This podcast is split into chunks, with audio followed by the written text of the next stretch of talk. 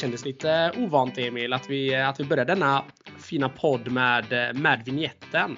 I vanliga fall så brukar vi ha ett litet eh, försnack men, eh, men idag har vi klippt bort det contentet och eh, dragit igång rätt på ja, pang på rödbetan så att säga. Eller vad, vad säger du?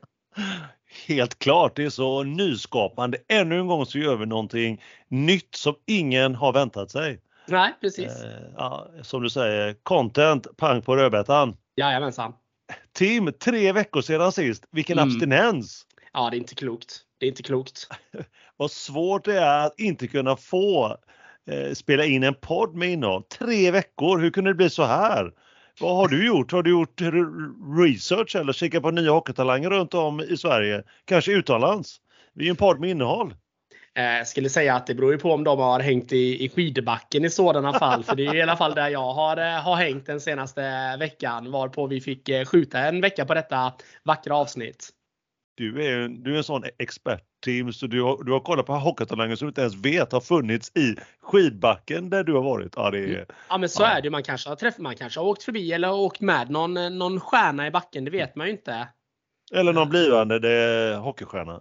Ja, framförallt för, det, för den delen med. Det vet man ju inte. Det vet man ju inte alls. Ja, det är underbart Tim. Och i det här ämnet och i den mm. här vevan så ställer jag ju med, givetvis frågan. Vad har du i glaset idag denna ädla kväll Tim? Ja, nej, men jag har med mig en överbliven eh, pissöl från, eh, från, från eh, resan i, i Sälen.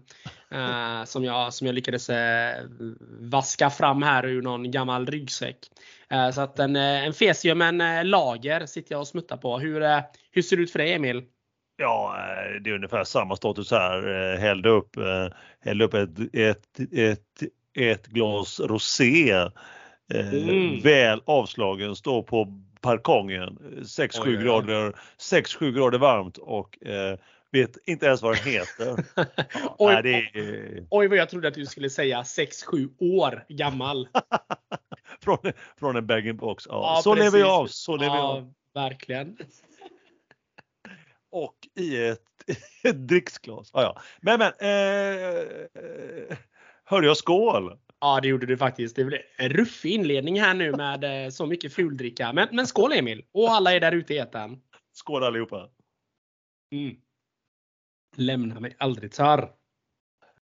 Vi eh, passar väl på att hälsa alla våra lyssnare välkomna till avsnitt nummer 27 av denna episka podd Mer kul med Aronsson och Park. Podden med både innehåll, den perfekta kombon, blandningen mellan ishockey och tennis och så då såklart Emil, vi två. Två spontana och extremt goa experter. Vi är alltså här med poddarnas podd Mer kul med Aronsson och eh, Park. Vi får väl också passa på att eh, tacka till alla er som hör av sig till oss. Skickar meddelande, ringer, messar och feedbackar. Vi, eh, som ni vet, gillar vi ju väldigt mycket när ni interagerar och pratar med oss. Vi finns ju också på Instagram och eh, vad heter vi där Emil? Mm, svår fråga Tim, otroligt svår. Jag, jag bara slänger ut en, en rövare här och eh, säger mer kul med Aronsson och Park. Ah, snyggt! Har du haft eh, en tre veckors paus från Instagram-kontot med kanske? jag har väl lagt ut någonting där, någon Davis Cup eller sådär, men annars har eh, jag legat lågt. Ja, men jag kommer ihåg vad vi heter i alla fall. Hoppas jag att jag hade rätt. Stort! Och det hade du. Du hade så rätt som vanligt.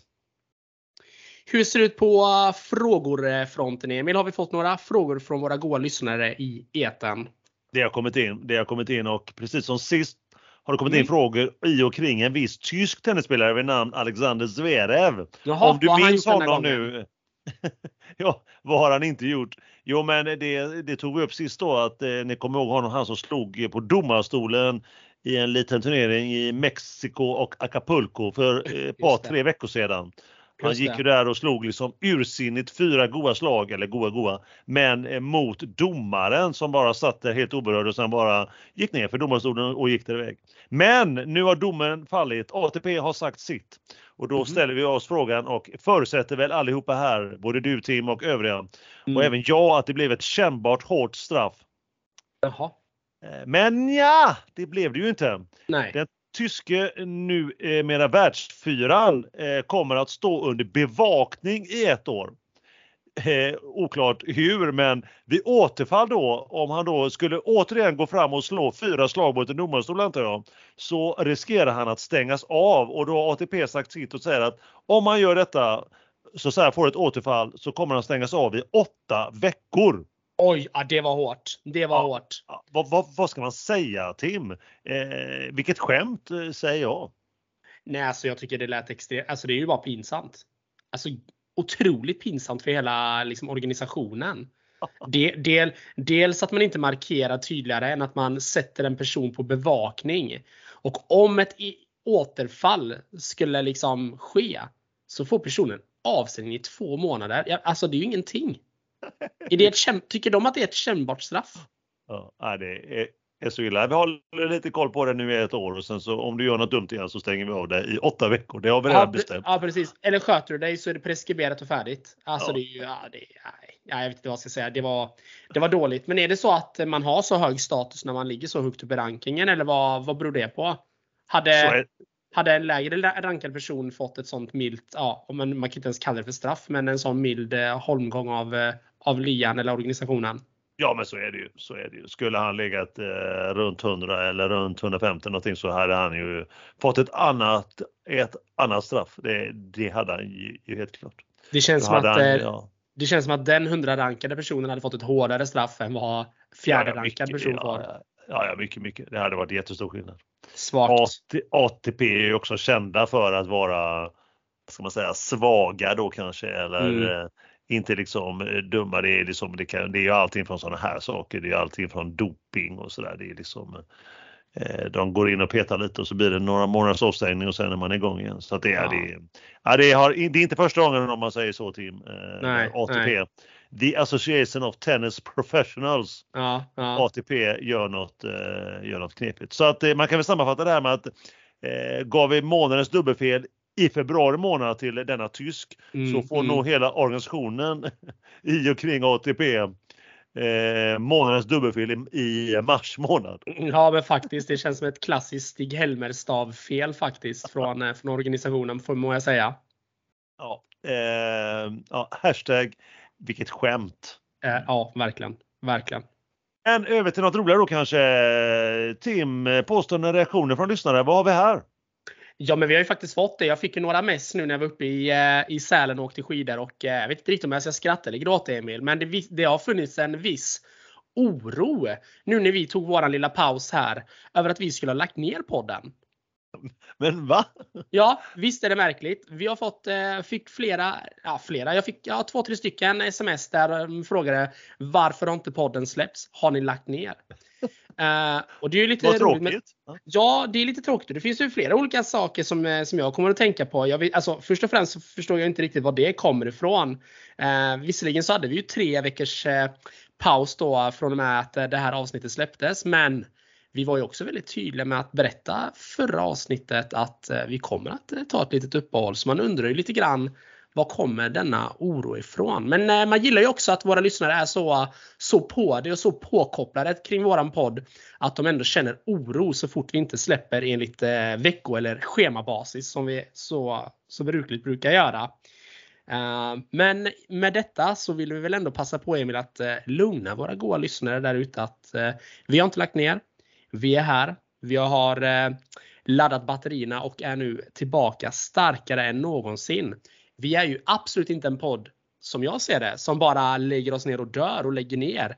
Utan vi är ju en podd med innehåll. Så ja, följer ni oss inte på Insta, då kanske det är dags att börja göra det. För där skriver vi nämligen lite uppdateringar kring hur vi har det ställt i veckorna. Eh, så följ oss där så kommer ni säkert reda ut en del frågetecken framöver. Ska vi ta en skål på den Emil? Ja det gör vi. Det gör vi. Skål på Eh, denna oro som nu vi har förbytt i stor glädje. Skål på den! Ja, ja och skål för våra påkopplade lyssnare. Underbart! Helt, helt klart. Skål för alla där ute också. Skål! Kärlek och värme. Tim, vi tuggar vidare. Jag tycker att det är hög tid att vi börjar med vårt klassiska återkommande ämne. Veckan yes. som gått, veckorna som gått. Eh, Tim, hockey, börjar du. Jag kan dra igång absolut och eh, visst händer det grejer. Vi börjar ju närma oss den här underbart skickliga tiden på året, nämligen slutspelstider. Och eh, nu på torsdag när avsnittet eh, kommer ut så spelas ju också matchen, match menar jag, i grundserien nummer 52. Jag vet ju Emil att du flera gånger har tyckt att 52 matcher är en evighet. Men eh, ja, nu spelar man den sista matchen på torsdag och då kommer vi ju verkligen få klart vilka lag som går till slutspel och inte. Hur som helst, det vi vet det är i alla fall att Timrå och Djurgården, Emil, de kommer att eh, få kvala för att få vara kvar i SHL. Eh, så det kommer vara bästa fem och eh, vilka som då, kommer få åka ut eller stanna kvar.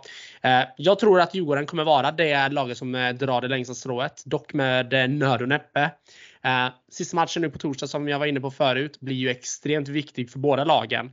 Eh, med tanke på att eh, det laget som slutar först av de här två bottenlag får hemmaplansfördel. Och det mm. vet vi ju att det är ju oftast en eh, ganska viktig nyckel inför ett eh, kommande slutspel.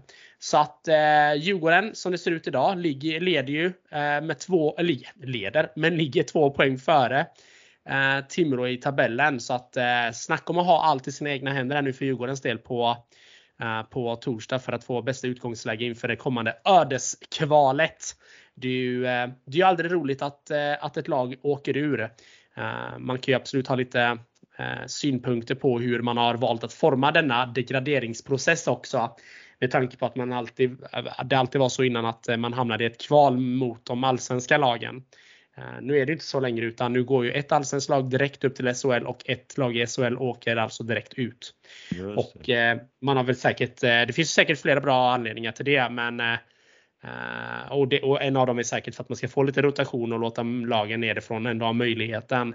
Men jag ställer mig ändå lite frågande till om det verkligen är det sportsligt bästa för att då blir det lite så som som för Timrås del, man kommer upp, man är dålig en hel säsong.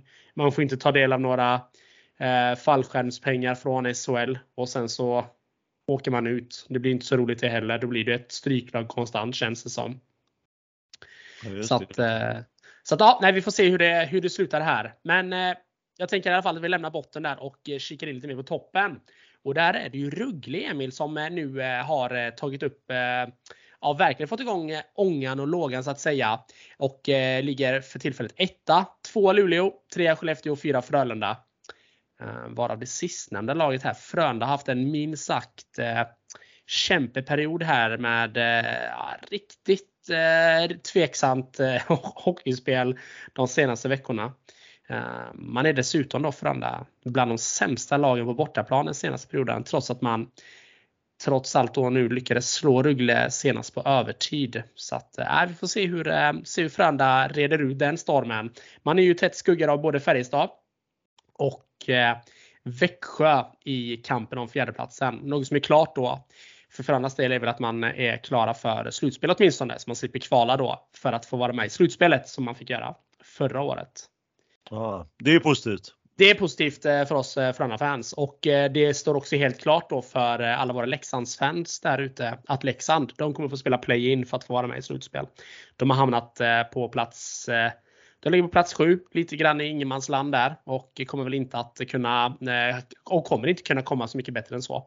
Så att vi får, eh, vi får se hur det går för Leksand där som också för övrigt har haft en väldigt tung period där man har tappat många, många hemmaledningar och många ledningar till förlust.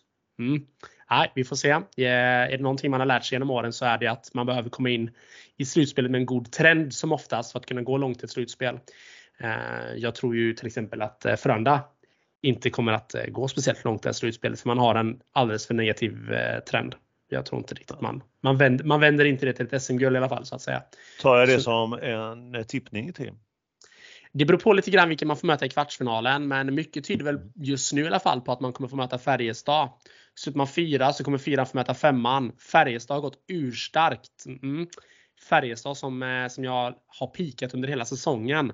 Eh, ligger ju för närvarande på femte plats. Så mycket säger väl att, eh, pekar väl på att de kommer att hamna på femte plats också. Och jag tänker Frölunda-Färjestad är ett klassiskt eh, eh, ja, man får inte säga detta högt egentligen, men som eh, media brukar kalla det, derby. ja, tvek, tvek, tveksamt ändå. Det skiljer ändå typ några, några mil. Men uh, hur som helst då, nej, men det är ett riktigt klassikermöte. Men uh, med tanke på att Färjestad till, till skillnad mot Frölunda då har varit inne i en så himla positiv trend den senaste perioden så tror jag ändå att eh, i en sån kvartsfinalserie skulle det absolut bli Färjestad som skulle gå vinnande ur den tror jag, även om Frölunda då har hemplansfördel som det ser ut just nu då. Ja, spännande då att se hur det blir och spännande och när vi återkommer här om ett par veckor kanske höra din, di, dina tippningar. Ja, men, nej, men det kommer vi absolut vara. Det slutspelet drar igång här nu under nästa vecka så att det, det kommer vi absolut att gå igenom lite grann då. Så att antingen så sitter jag här och sjunger av glädje eller så gråter jag av, av, av sorg. Vi får se. Mm. Vi, är inte riktigt, vi är inte riktigt där än. Jag lever i bubblan just nu. Klokt. Ja, jag tänker att vi eh, går vidare Emil och eh, vi har eh, faktiskt, eh, man gillar ju, man pratar ju oftast eh, eh, Eh, ganska mycket om eh, när rekord slås hit och dit. Eh, och vi, mer kul med Aronsson och Park vill ju inte vara sämre. Så att jag tänker att jag nämner ett nytt rekord här i SHL. Och det är faktiskt ett positivt rekord, inte ett negativt sådant. Det är ett nytt assistrekord. Alltså hur många assisterande passar man har lyckats uppnå under en säsong. Och det är ju, tro det eller ej Emil, Ryan Lash i Frölunda som har slagit detta rekordet. Eh, och det gjorde man, han redan, ja, redan eh, förra matchen mot, mot Rögle då. Där han gjorde en poäng och är nu uppe i smått otroliga 52 assistpoäng under en och samma säsong. Häftigt. Det innebär ju att han rent krast har en poäng per match. Sen har han gjort en del mål också, Ryan Lash. så att jag menar, han ligger ju ändå gott över en poäng per match. Det får man ändå se är extremt stort. Det är ju inte alls, tillhör inte alls vanligheterna att vi har spelare som snittar en poäng per match. Uh, men han snodde, från, snodde, snodde detta rekordet i alla fall från sin landsman och den gamla Skellefteå-bekantingen uh, Bud Holloway. Skönt namn för övrigt. Bud. Helt klart. Bud Holloway. Mm. Bud Holloway. En riktig kompis. Hur som helst, nog om Bud. Uh, vi säger i alla fall grattis till Ryan Lash. Uh, det här är en så stor händelse Emil så att till och med vår gode vän Leif Bork på Twitter har gått ut och uh, gratulerat Ryan Lash för denna bedrift. Det får man ju anse som väldigt stort för det ligger inte alls i, i Leifs natur att hylla utländska importer. Eh, snarare tvärtom. Han brukar ju oftast eh, prata ganska negativt om dem. Ja, det har man ju förstått genom, genom åren. Ja, men precis. Ja, men du vet, det, det vet ju du. Du brukar ju se på, på Twitter. Du följer mig där och du brukar ju se ibland när jag brukar lägga lite goa kommentarer tillbaka till Leif. När han har skrivit något eh, lite halvt tveksamt.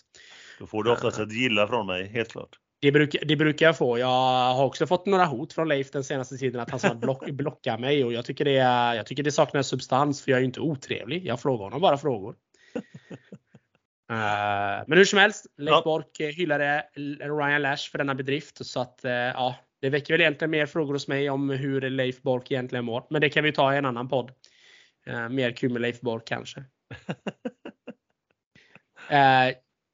Tror det eller Emil, jag tänker att vi stannar kvar lite grann i SHL. Det är svårt att slita sig ifrån detta nu med tanke på att vi är så um, nära slutspel och allt sånt här. Uh, men det är ju faktiskt så att jag, uh, jag slänger in en liten veckans snackis här mitt i, mitt i allt. Mm, uh, det gillar vi. Hoppas det känns okej okay och, och nyskapande och inte allt för avlägset. Helt klart, helt okej. Okay. Gott. Nej men det är ju som så här att eh, vi brukar ju ofta komma, komma in på detta ämnet Emil nästan, nästan varje avsnitt känns det som. Eh, senast var ju Sverre då som började svinga tennisrack mot, eh, mot domare. Nu har vi en händelse i SHL där, eh, där vi har en hockeyspelare som har svingat klubba mot domare också. Uh, så att, uh, så att nu, uh, nu är det fullständig kabelbrand. Nej, men det, det, är väl inte riktigt hela sanningen. Nej, men det som har hänt i alla fall det är att man brukar ofta säga, vi brukar ofta säga att man ska ha en schysst, bra attityd mot domarna och inte ligga på dem som, som galningar och to, tokstollar. Det är ju trots allt ändå människor. Ibland blir det fel och ibland blir det jättefel. Det, det är ju bara så. Men, men nu har det verkligen blivit ett tokfel. Och eh, det har blivit så tokigt att jag kände att det går nog inte att inte ta upp den grejen. Eh, och det var ju nämligen så att eh, Luleås spelare Johanne Tyrväinen, en extremt oskön gubbe för övrigt, fick ett helt felaktigt matchstraff förra veckan. Och händelsen då som uppstod det var att han fick en, ja men domaren blåst av. han åkte offside om jag inte missminner mig helt varpå han ville visa domaren att han tycker att han blev hakad och visade var klubban var någonstans. När han då lyfter klubban så kommer linjedomaren bakifrån och ska böja sig ner för att plocka upp pucken. Var Johanne Tyrväinen då lyckas svinga klubban i ansiktet på denna stackars domare. Oj! Ja, det var inte helt, eh, inte helt eh, lyckat. Och eh, kollar man då dessutom på reprisbilderna så ser man ju att Johanne Tyrväinen är extremt förvånad över att han ens lyckades träffa någon. Och man ser liksom hela ansiktsuttrycket är verkligen bara Whoops! Det här blev inte alls så bra. Så att det är ju en solklar olyckshändelse. Samtidigt så drar man in parametrarna så här att ja, man har ansvar för sin egen klubba och så vice versa. Men det här känns som en klassisk olyckshändelse. Men för detta så fick han då matchstraff och fick lämna matchen. Vilket eh, skapade ramaskri i mediavärlden. Eh, jag sitter väl lite mer lugnt i båten än så och tycker väl inte att det är några konstigheter att eh, att, eh, att man får ett matchstraff, att man svingar klubban mot en domare, även om det var en olyckshändelse så sett. Men det har tagit sådana proportioner att, att domarbasen gick ut och bad om ursäkt för denna felaktiga, detta felaktiga matchstraff. Ja men det är, det är, ändå, det är ändå lite intressant kan ja, jag ändå tycka. Det det. Så att, eh, ja, nej, så att vi får se vad, vi får se vad som händer härnäst. Det var ju väldigt många kritiska röster. Bland annat Wikegård tyckte att man skulle, Niklas Nicke Wikegård tyckte att man skulle börja stänga av domare eh, resten av säsongen för att man gjorde fel och sådana här grejer. Och jag tycker att det blir, ja men det blir ju att ta upp det i alldeles för stora proportioner. Det är ju inte så det är inte så enkelt. Jag menar om man skulle börja straffa domare varje gång de gör ett fel. Då kommer inte SHL eller någon annan liga här i Sverige ha någon domare som kan döma. Nej, det är, fel, fel där han ute och svingar är Niklas Nicke Viken Wikegård. Ja men det tycker jag faktiskt. Ja verkligen. Det tycker jag, det tycker jag verkligen. Jag tycker alltså så, enk så enkelt är det ju inte. Ja, nej, så att han får lite en, han får lite en eh, mini-gulasch här faktiskt. Jag tycker inte han har, eh, jag tycker inte alls att han har helt rätt där. Nej, det får jag hålla med om. Det får jag hålla med om. Där håller jag med dig Tim. Gott Emil, gott Emil. Och sen så vill jag bara avsluta och också nämna att eh, det börjar höjas en del röster i, eh, på Twitter och sociala medier. Ehm, vi var inne och touchade det lite grann eh, förra, förra avsnittet och jag tänker väl inte bli alltför långrandig här med kriget i Ukraina. Vi är ju en eh, sportpodd, hockey och tennis, inte en krigspodd så att man får ju vara försiktig här Emil tänker jag och vakta sin tunga lite. Men det är ju så att vi har en del svenskar som faktiskt fortfarande är kvar i KHL och spelar hockey nu för sina ryska lag i slutspelet. Vilket eh, inte är helt uppskattat då från en del personer. Så nu höjs en del kritiska röster här faktiskt Emil över att de vill att eh, de här svenskarna ska riva sina kontrakt med sitt, sina ryska lag. Och eh, det jag tänker direkt är ju att ja, det vore ju extremt rimligt och kanske smart att göra det. Men sen vet man ju också att det är kontrakten för för sportutövare ter sig lite annorlunda mot eh, vad, hur, hur det är för dig och mig på jobbet Emil. Vi kan ju inte bara gå in och säga att eh, nu går jag hem. Utan, eh, utan man måste ju komma fram till någon förlikning. Och så är det ju också till viss del inom hockeyvärlden. Eh, det är bara det att där äger ju nästan eh, arbetsgivaren då hockeyklubbarna den, alltså Eh, personens rättigheter. Så att det är ju inte bara att lämna klubben utan att eh, behöva betala miljonbelopp antagligen för att lösa ut sig från sitt kontrakt.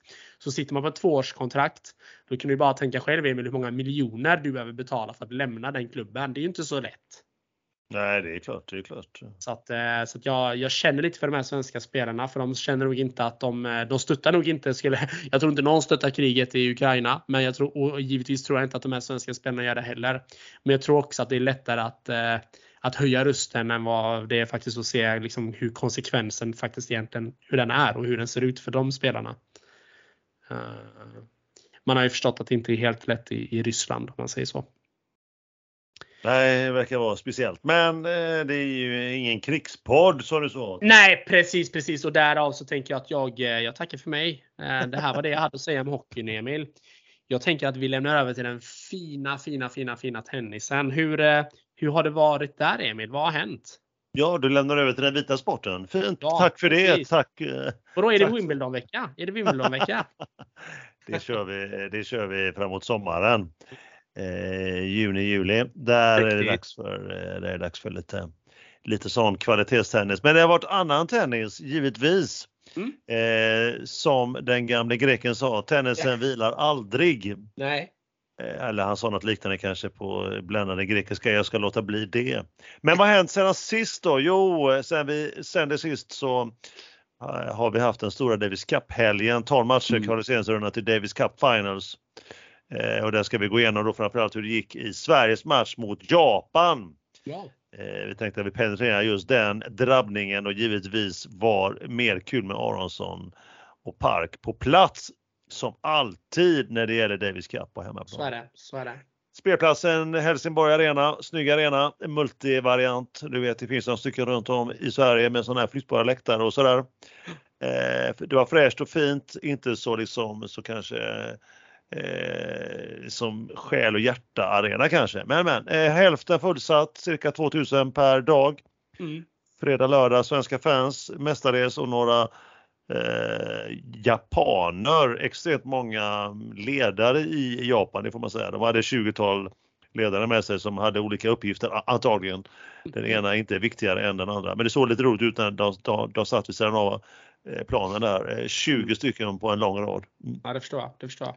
Man jämför med den svenska delegationen som var då typ sex stycken. Ja, men, men eh, nog om det. Men det var ju då eh, vi drar lite matcherna här. Eh, det blir ju en extremt spännande kamp över fem stycken matcher, två dagar. Mm. Eh, första var ju dags, var ju tänkt då att Mikael Ymer skulle ta hand om. Första singeln, han skulle möta japanen Watanoki. Eh, en på pappret given svensk seger. Efter invigningen då så lämnade hela det svenska laget in i planen och klockan tickade, den gick. Och sen efter kanske 10 minuter, en kvart så kom beskedet att den svenska ettan eh, Mikael Ymer skadad, handledsskadad. Jaha. Eh, då sades det någonting där runt om i katakomberna att han haft problem med hela veckan innan spel. Han är röntgades men ingenting hittades så han testades på matchdagen. Men de kom fram då efter invigningen, precis innan matchstart, att det här går inte. Så att han fick då lämna över stafettpinnen till debutanten och fjärdeman i laget, Dragos Madaras. Vad passande. Ja, verkligen, verkligen. Så att då killen som då har bollat in mot både Elias och eh, Mikael Ymer på dagen där innan, ungefär inbollning i tre timmar mot gubbarna fick ja. då slänga sig in i eh, den här i hetluften och ta hand om första singeln för Sverige. eh, kan säga att eh, han var lite nervös, spänd i början givetvis och första set var över snabbt på 20 minuter. Mm -hmm. Så där gick det fort och han eh, förlorade även andra båda seten till slut med 4-6 gånger 2. Okay. Och eh, underläget för Sverige 0-1. Vi stannar upp lite grann tycker jag kort, eh, den här Mikael Ymers skada då. Och eh, vi ställer oss med frågan, har gjort några gånger nu och funderat sen ungefär den här helgen att visste inte de svenska laget ledningen till detta med hans skada?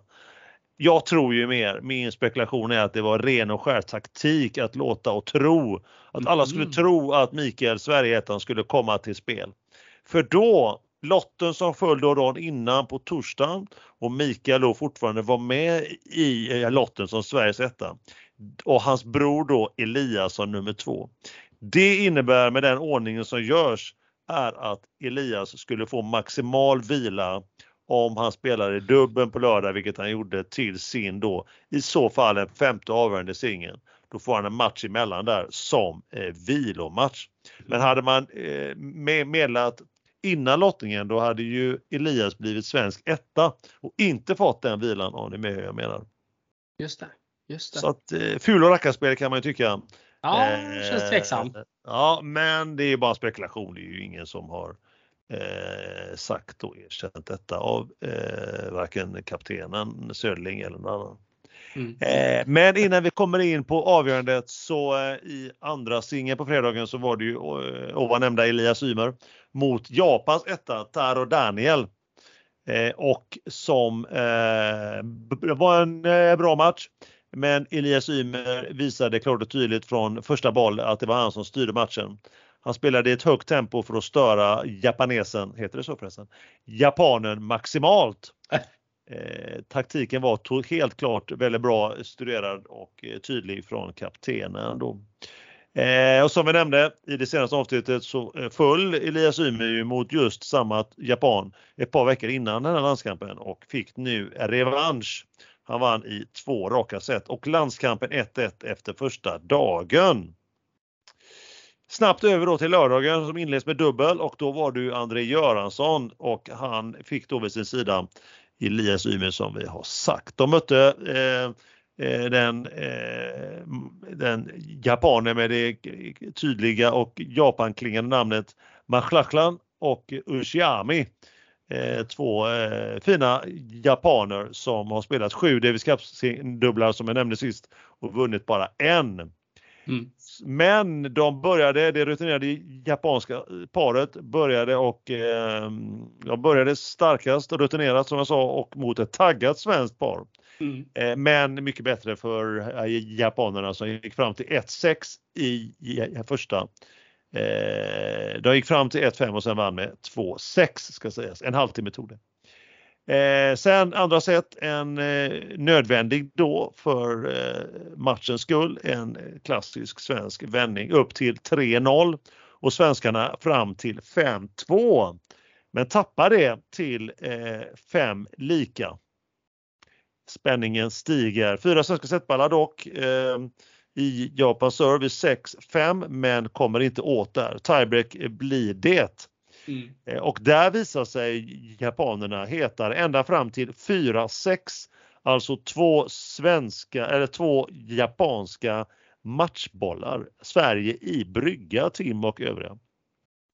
Men eh, Ymer Göransson räddar båda utan eh, att vara direkt hotade och ännu en matchboll räddas innan eh, Sverige får fram setboll eh, nummer 5. Och Ymer han tar, bryter in vid nät, lägger undan en läcker backhandvolley. Eh, bortvänd mot från nätet och Sverige vinner tiebreaket med 9-7 och jämnar ut då 1-1 i set. Där mm. kan man säga, där var det svettigt på läktaren ja, med, rädda, med räddade matchbollar och tog hem setet eh, med setboll nummer 5. I avgörande set då så ser japanerna starkare ut i, i, i själva spelet. Men samtliga spelare håller sina servar fram till 5 lika och Ushiami till serve. Svenskarna går upp till 0,30 Eh, och sedermera eh, efter en retur, eh, två stycken eh, otagbara 15-40, två stycken alltså break, breakbollar för Sverige att gå fram till 5. Men japanerna räddar första och andra vinner när eh, vinner Sverige när japanen lägger i nät. Svensk 6-5 och Ymer kan då serva hem matchen. Han är lite stressad, ibland annat ett dubbelfel, men fram till 40-30 och svensk matchboll. Och returen stannar i nät och svensk glädje både på, på banan och på läktaren givetvis. Sverige upp till 2-1 ledning i matcher. Mm. Eh, oerhört spännande och eh, fantastiskt att Sverige kunde vända på matchen. 4 mars då var singel mellan Madaras och Japans etta igen då Daniel och eh, det, även om eh, Eh, även om eh, Madaras spelar bra så är det klasskillnad. Eh, så blir det och, och eh, 0-2 i set. Mm. 2-2 i matcher där och avgörande match mellan då Elias Ymer och japanen Watanoki. Inte Wasabi eller vad jag kallar honom sist, tyvärr för det. Men då ska vägas in i ett Watanoki. Han har fortfarande då efter tre matcher Davis Cup under hans karriär inte förlorat. Nej. Så att, eh, så, men Elias Ymer han, eh, han gör det. Han är bäst när det gäller, visade helt klart. Matchen styrdes av svensken. Han är den bättre tennisspelaren. Trots ett par breakhands i egen serve så kunde svensken bryta fram till 4-2 i första set och hålla fram till 6-3. Ett mm. S snyggt på setbollen. Och i, i andra set bryter omgående i svensken, men japanen i kapp till, till 3-3. Men ytterligare ett svenskt break till 4-3, svensk Holland serve till 5-3. Eh, två forehand djupt i nät ger 30-40 och matchboll då för Sverige för hela landskampen. En forehand i nät av Watanuki och svensk seger totalt i matchen. Man kan ju lätt säga att Elias Ymer är helgens stora svensk. Två singlar, en dubbel och tre segrar. Stort av honom och dessutom då att vinna den sista avgörande femte matchen. Stort! Senast en svensk faktiskt i Davis Cup vann två singlar och en dubbel i samma landskap var en viss Robin Söderling, numera kapten. Året var 2009, för så länge sedan var det. På bortaplan mot Rumänien. Mm. Det du, det var ett tag sedan. Det har hänt några gånger att eh, svenskar har gjort detta, bland annat Jonas Björkman på 90-talet. Mm. Eh, eh, och sådär flera gånger faktiskt. Men det är inte så vanligt att man spelar både två singlar och en dubbel och sen vinner samtliga tre. Så vi kan lätt konstatera också i det här att dubbeln var ju avgörande. Skulle inte Sverige vunnit den så, eh, och räddat de tre matchbollarna så eh, hade ju säkerligen Daniel, som han verkar vara, för svår för Madaras och skulle säkerligen blivit så. Då hade Sverige förlorat. Och istället för då Davis Cup Finals i, till hösten hade de fått spela Playoff för att stanna kvar i högsta serien. Mm.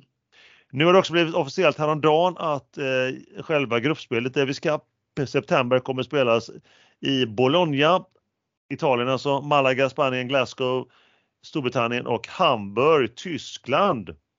Och eh, grupperna då, var grupperna kommer spelas, eh, lottas om ett par veckor och det lär vi ju återkomma om till. Mm. Eller om en vecka den sista mars. Så, och sen kan vi också diskutera, eh, kan vi också vända och vrida på varför inte kapten Södling tog ut en femte eh, spelare som han hade rätt till. Men, men Sverige vann ju, så nu kan vi väl glömma det. Eh, Tim och övriga nu, är ni intresserade av tippningen och så eller vad känner du? Vad, vad känner du? Ja men jättegärna. Men innan du går in på tippningen, Emil, hur, ja. var, hur var stämningen i Helsingborg? Du var ju ändå på, på plats. Ja, det var bra. Det var, det var bra. Det fanns ju en eh, svensk klack där och det var bra. Det var som sagt eh, hälften, hälften av arenan var, eh, var till plats eh, satta så att eh, ja, det var väl helt okej. Okay. Ja. Det var bra. Det var, var bra stämning och de var bra publik så att det får jag ändå säga. Eh, Davis Cup har varit både på bättre givetvis men också på betydligt sämre stämning så att eh, Helsingborg Arena och eh, ar arrangörer får helt klart godkänt. Ja, härligt. Ingen Tim. Ehm, eh, jag vill gärna återkomma till den som du märker kanske. Det verkar kanske övriga också. Jaha. Eh, förutsättningarna de ändras ju en aning istället för Mikael Ymer då som jag sagt så blev det ju Madara som kom till spel. Jag hade tippat 1-1 första dagen och så blev det. Dock hade jag tippat att Mikael Ymer skulle vinna och Elias Ymer skulle förlora och det blev ju då att Mikael Ymer spelade inte ens och Elias Ymer vann. Men 1-1 i alla fall. Och sen hade jag tippat svensk seger Ymer Göransson i dubbeln och så även över tre set. Det hade jag också tippat. Ja, det var okej okay där. Eh, sedan så hade min tippning då gett att, att Mikael Ymer skulle vinna fjärde matchen. Eh, där, eh, men han spelar ju inte. Så att, eh, och det, där vann ju inte Sverige. Utan då vann ju den femte avgörande istället som blev, eh, i, som jag nämnt då, Elias Ymer. Så svensk seger hade jag tippat med 3-1. Det blev 3-2. Mm. Ja, ja, godkänt eller vad säger du eh, Tim? Väldigt godkänt skulle jag ändå vilja säga. Tack! Ja, men det är inte lätt det här med tippning alltså. Man ska försöka få in en feeling och man ska försöka liksom hitta och kolla statistik och inte, inte tänka för mycket på statistik heller när man tippar. Så det, är ju inte lätt. Det är ju tuffa grejer alltså. Så är det så är det. Så att eh, nu när matchen blev som det blev så hade ju om Mikael Ymer nog hade varit med, det kan man ju si om. Då hade mm. nog Sverige vunnit med 3-0 efter två singlar och en dubbel. Ja. Det känns ju så. så att, men man vet aldrig. Man vet aldrig. Det är små, små små, små marginaler. Dubbeln där som sagt tre matchbollar emot och så. Så det är små marginaler helt klart. Det är det. Vi ska, inte, vi ska inte prata mycket krig då, men vi går vidare här lite kort att Ryssland har blivit, eh, Ryssland som landslag har uteslutits från att spela då eh, både på dam och herrsidan. Eh, och Belarus får inte heller vara med längre, men enskilda spelare får vara med. Eh, vi pratade ATP och så innan då. Eh, enskilda spelare får fortsätta spela men ej då under rysk flagg. Ja. Så att eh, det kan man väl ha kanske. Ja, många idrotter, många idrotter, andra idrotter så har ju både landslagen och de enskilda då individerna eh, blivit mm. avstängda och sådär. Mm. Mm. Men vi är ju ingen podd som handlar om krig utan vi är ju en, en podd med innehåll, hockey och tennis. Ja. Då ska jag snabbt gå igenom också vad som hände förra veckan. Då var det ju dags för eh, en, en av två nu då eh, Masters som spelar i USA och vi pratar om i Indian Wells har utomhus i öknen utanför Las Vegas. Eh, Svenskt då först, Mikael Ymer lämnar ju då VO efter handledsskadan så han kommer aldrig till spel då veckan efter där. Eh, och Elias då full omgående i kvalet. Och Djokovic, han skulle han få spela eller inte spela, det kom besked att han är ju inte välkommen in i USA fortfarande på grund av eh, vissa covidbevis. Eh, oh. med, eh, Medvedev förlorade i tredje omgången mot fransosen Monfils. Mm. Monfils då den lite äldre herren nu spelade fantastisk tennis och Medvedev var inte eh, inte på topp kanske. Så det här innebär då att Medvedev den här veckan har tappat sin plats som världsetta efter enkom två veckor till en viss serb som återkommer till att vara världsetta från och med den här veckan igen. Jaha. Hur såg turneringen ut? Eh, ja, eh, det var en bra kvalitet. Eh, matcherna jag såg och som det visade sig så har det varit bra kvalitet och turneringen som spelades över tio dagar. Vi hoppar kort in i kvartsfinal mellan en viss Rafael Nadal och australiensaren Kyrgios har nu talas om honom och kommer ihåg honom från Australian Open senast. Jajamensan. Kyrgios var kan man säga, ja just det, han var som Kyrgios ska vara. Han hade 5-3 ledning i första set, han tappade det till tiebreak och där tappar han eh, motivationen. Han avslutar till exempel med att be en på läktaren att hålla käften. Ja. 0-6 i setet, alltså setbollar och fick då poängstraff och tappade första set. Fast det tycker jag ändå nästan att han gjorde rätt i. Vad var det för mupp som satt på den läktaren och höll på att trashtalka honom?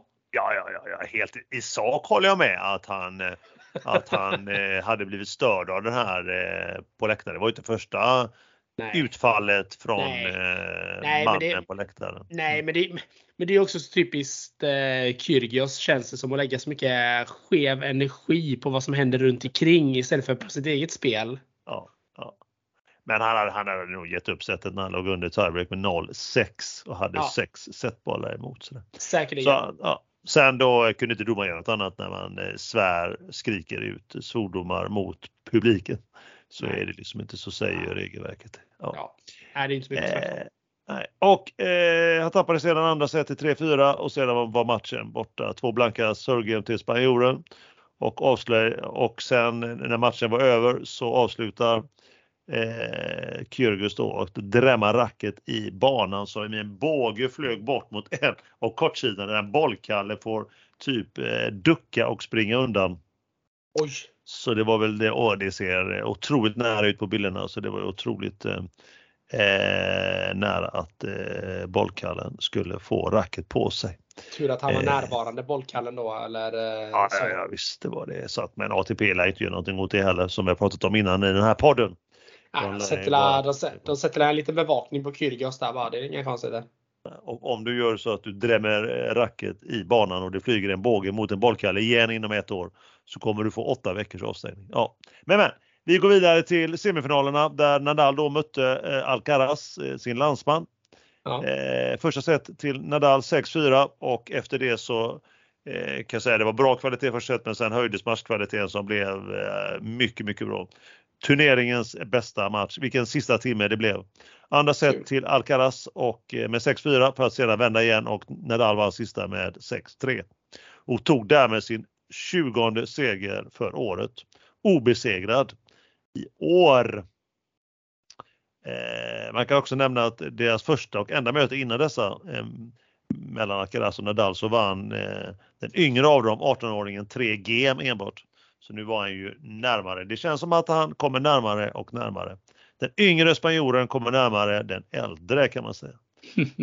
Andra semifinalen var mellan hemmaspelaren Taylor Harry Fritz och ryssen Rublev, två raka till amerikanen. Där Finalen då mellan Nadal och Pommes frites, eller jag menar Fritz. Eh, Nadal såg besvärad ut. Han verkar lida av värk i överkroppen såg det ut som.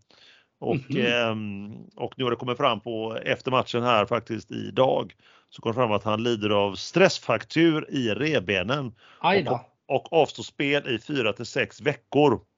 Då är vi framme i början på maj och då pratar vi Masters i Madrid. Första veckan i maj och Rom andra veckan i maj. Alltså det är uppladdning inför Roland Garros i slutet på maj där. Mm. Så vi får väl se hur det går för den käre Nadal. Hur gick då finalen? Titeln till amerikanen som vann då i två raka. Pommes Fritz som jag kallar honom. Avancerar då på plats 20 på rankingen till 8. Mm. Ny ranking i veckan. Nadal gick upp från fjärde till tredje. Och för övrigt lite svensk Karl får vi säga. Mikael Ymer har lämnat VO eh, även denna veckan till ATP i Miami, Masters alltså. I, och Elias kvalade vann första och förlorade eh, precis andra kvalfinalen mot Munar, spanjoren. Mm. Och som sista då har vi fått veta att Frankrike de kommer släppa sina restriktioner. Så nu är det fritt fram för Djokovic att vara med Eh, på det röda gruset i Roland Garros som jag sa i slutet på maj och årets andra Grand Slam. Roligt för honom. Ja, det blir roligt. Eh, bättre för spelet i alla fall. Så det är kul. Hoppas att Nadal bara kan spela. Ja, det är klart. Eh, så, se där. Det, Tim och övriga, det var all tennis för nu. Snyggt! Bra! Gott jobbat Emil!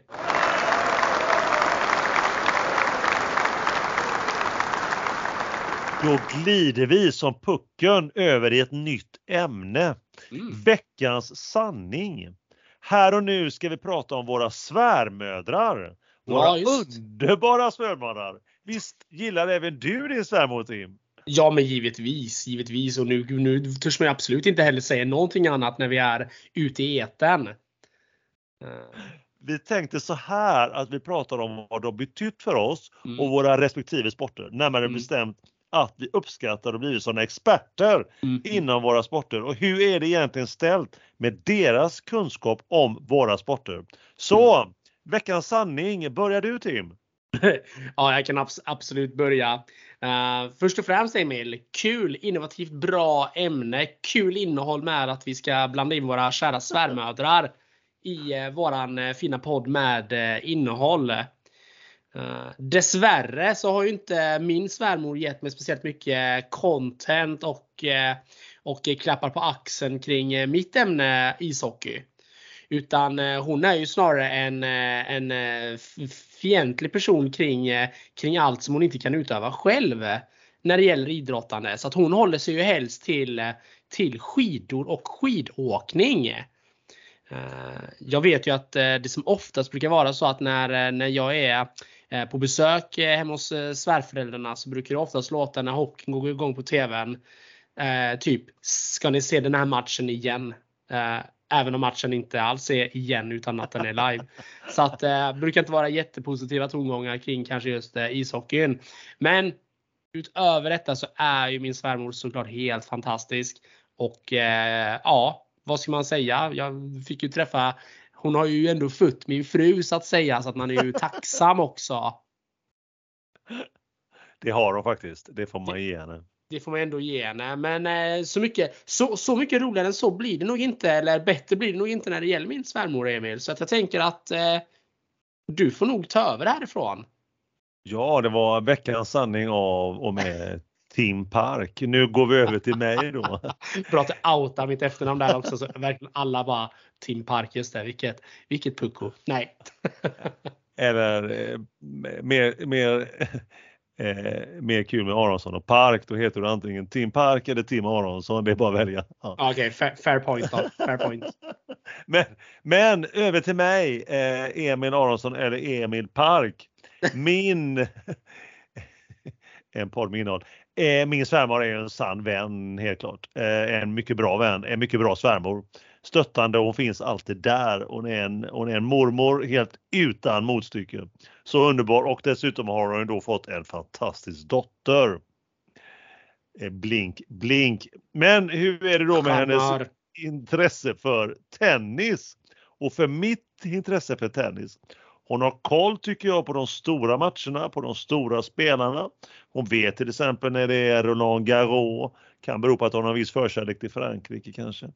Men eh, titta på tennis, eh, det hade förvånat mig om hon gör faktiskt. I så fall gör hon det i smyg. Eh, men ibland plingar det till, man får ett meddelande på Insta. Det kommer där eh, om det hänt något extra. Någon tennisspelare, någon av de stora har gjort någonting.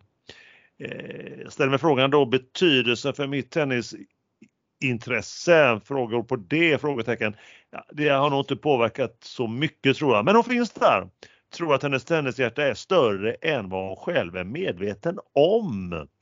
Punkt, punkt, punkt. Så det var eh, veckans sanning eh, från mig också Tim. Ja, vad härligt, vilken liten specialsanning vi får in här i, eh, i detta fantastiska avsnitt. Ja, vi är, ju, vi är som vi brukar säga en podd med bra innehåll och eh, eller med innehåll och bra content. Ja, det är sånt content jag får gåshud.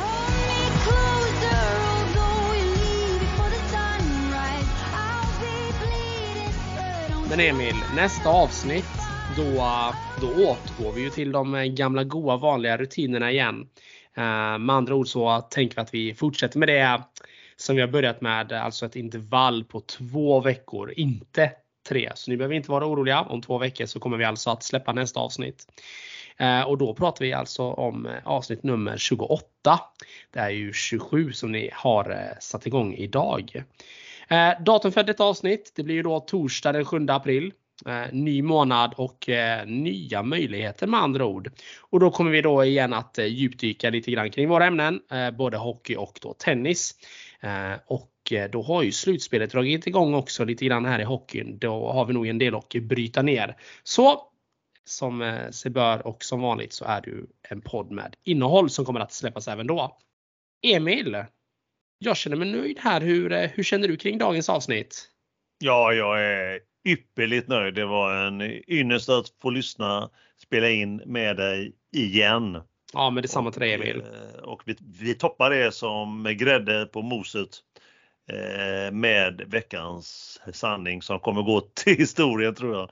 Som, den, eh, ja, som ett otroligt fint ämne den här gången, avsnitt 27.